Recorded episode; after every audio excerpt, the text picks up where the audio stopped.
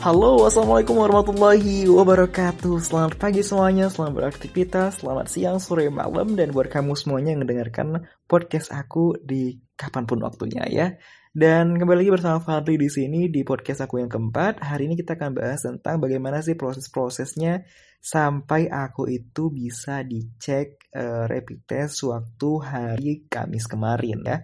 Jadi sebenarnya itu ada yang sulit nih waktunya karena memang uh, aku itu mendapatkan pasien di hari Senin dua minggu lalu sekitar tanggal 16 kali ya, tanggal 16 Maret 2020 itu mendapatkan pasien yang tidak khas banget gitu loh. Jadi ada pasien yang dengan kondisinya itu uh, nyeri ulu hati, muntah terus-menerus dia dialami sudah dua hari. Batuk sesekali namun tidak begitu berat dan ada uh, nyeri ulu hati. Kemudian dua hari masa perawatan, eh ternyata pasien itu mengalami desaturasi, artinya kondisi saturasinya itu yang harusnya 95 sampai dengan 100 itu malah menjadi 90 87 sampai dengan paling tinggi 92. Akhirnya pasien uh, kita isolasi untuk mendapatkan perawatan dikhawatirkan ada uh, infeksi virus COVID-19. Kemudian dalam prosesnya hari Kamis, hari Sabtu diambil uh, sampel swabnya dan ternyata itu di hari Rabu uh, kemarin malah positif. Setelah itu maka dilakukan peninjauan form yang diberikan oleh Dinas Kesehatan untuk mengisi form PE itu khusus untuk orang-orang yang memang memiliki paparan langsung atau kontak erat dengan pasien yang COVID-19 positif. Nah, kemudian setelah di screening terdapat 10 orang dari dua keluarga jadi pasien aku satu orang, pasien teman aku lagi yang satu tuh satu orang, tapi pasien yang satu lagi orang satu orang itu sudah di, dirujuk ke rumah sakit lain gitu loh. Nah kemudian tadi tetap ya keluarganya tetap kita screening.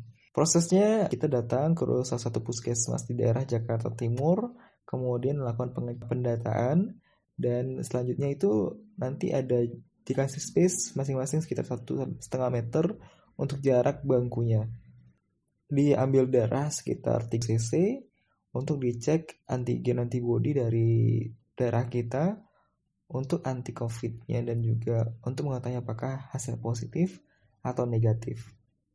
Kalau hasilnya negatif, maka akan diulang dalam waktu 7, hari, 7 sampai dengan 10 hari kemudian. Nah, alhamdulillah karena prosesnya memang sudah terlewati dari tanggal 16 ke tanggal 23, tanggal 24 itu sudah cukup lama maka uh, masa inkubasi mungkin yang tersisa tinggal lima hari lagi. Jadi saya dinyatakan negatif. Nah, kemudian bagaimana dengan orang-orang yang dinyatakan positif? Untuk orang-orang yang dinyatakan positif, maka di itu akan dilakukan pengecekan ulang. Jadi prosesnya sebenarnya gini nih.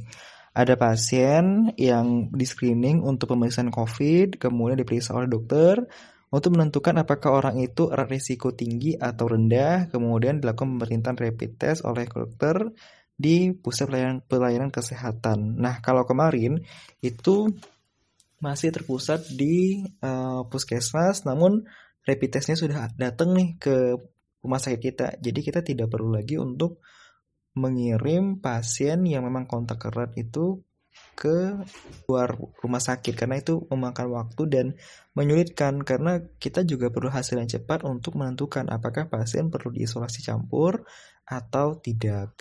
Nah, kemudian untuk pemeriksaannya itu ada dua, rapid test antigen dan rapid test antibody.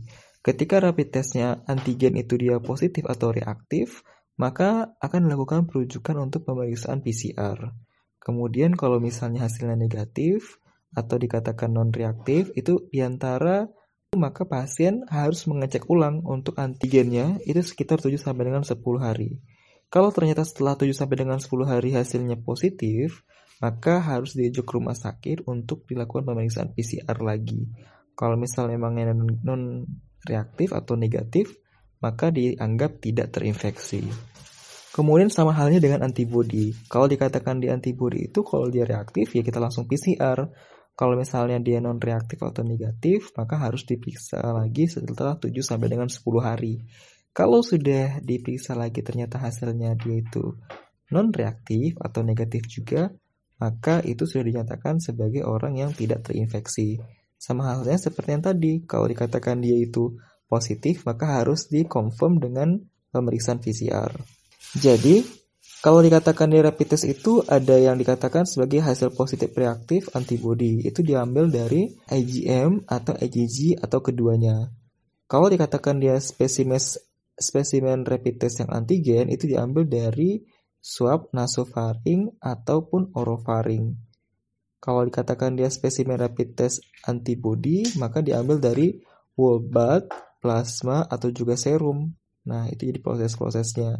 Nah, sekarang aku akan menyampaikan gimana sih pandangan dari Perhimpunan Dokter Spesialis Patologi Klinik dan Kedokteran Laboratorium Indonesia mengenai kewaspadaan eh, terhadap rapid test COVID-19, IgM, dan IgG berbasis serologi. Jadi sebenarnya untuk pemeriksaan ini itu mereka mengatakan bahwa untuk pemeriksaan SARS-CoV-2 dengan metode imunokromatografi atau rapid test belum ada penjelasan kinetika antibodinya.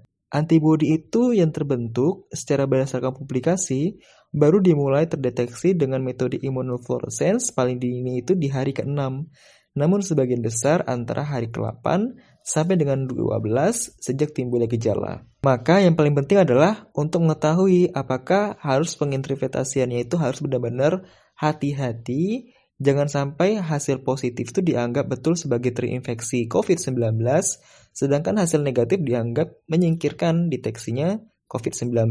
Maka dari itu, perlu dilakukan cross check ulang setelah hari ke-7 sampai dengan hari ke-10 setelah dicek hari pertama dinyatakan negatif. False positif dan false negatif perlu dipertimbangkan nih untuk uh, deteksi dini antibody karena validitasnya itu yang belum diketahui secara sensitivitas dan spesifisitas diagnostik yang bervariasi. Yang mengakibatkan hasilnya itu false positif yaitu kemungkinan nih reaktif antibody dengan berbagai virus lain, contohnya coronavirus yang lain dan juga dengan dengue virus.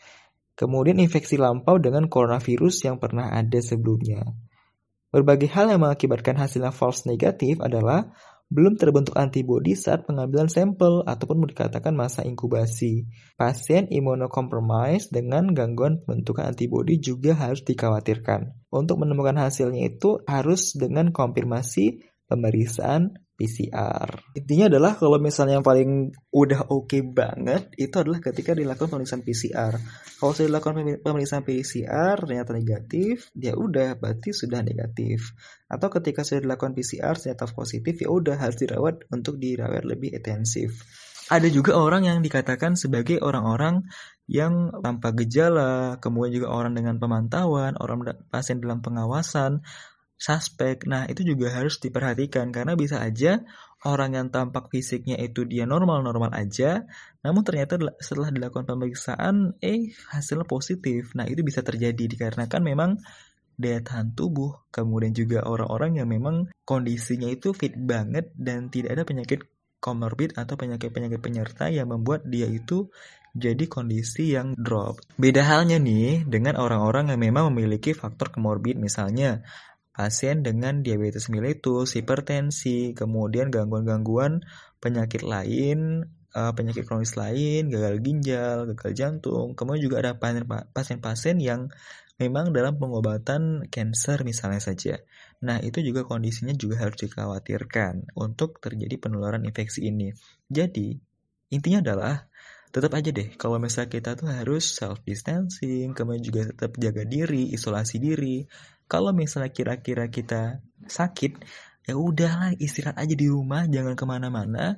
Kemudian kalau ada orang-orang di sekitar rumah seperti ayah ibu yang memang kondisinya itu dalam kondisi ada penyakit bawaan yang memang kronis, misalnya aja yang saya aku yang aku katakan tadi, ya sudah istirahat aja di rumah dan kalau bisa di ruangan sendiri. Jangan campur dulu gitu ya. Tetap jaga kesehatan jangan malas-malas untuk bersih-bersih jangan malas untuk makan. Istirahat cukup. Kemudian juga untuk yang paling penting adalah olahraga juga harus kamu lakukan. Apalagi nih kalau misalnya kamu-kamu adalah orang-orang yang memang rutin olahraga kemudian stop sama sekali dan itu adalah sangat tidak baik gitu loh. Karena memang kondisi tubuh kita itu fit ketika dalam kondisi dengan olahraga ya Sampai ketemu lagi di podcast yang berikutnya. Aku mohon maaf jika ada salah-salah kata atau juga salah-salah mungkin dalam penyampaian. Dan aku mau tanya nih, kira-kira menurut kamu sampai kapan proses ini akan berangsur? Assalamualaikum warahmatullahi wabarakatuh. See you in other podcast. Bye-bye.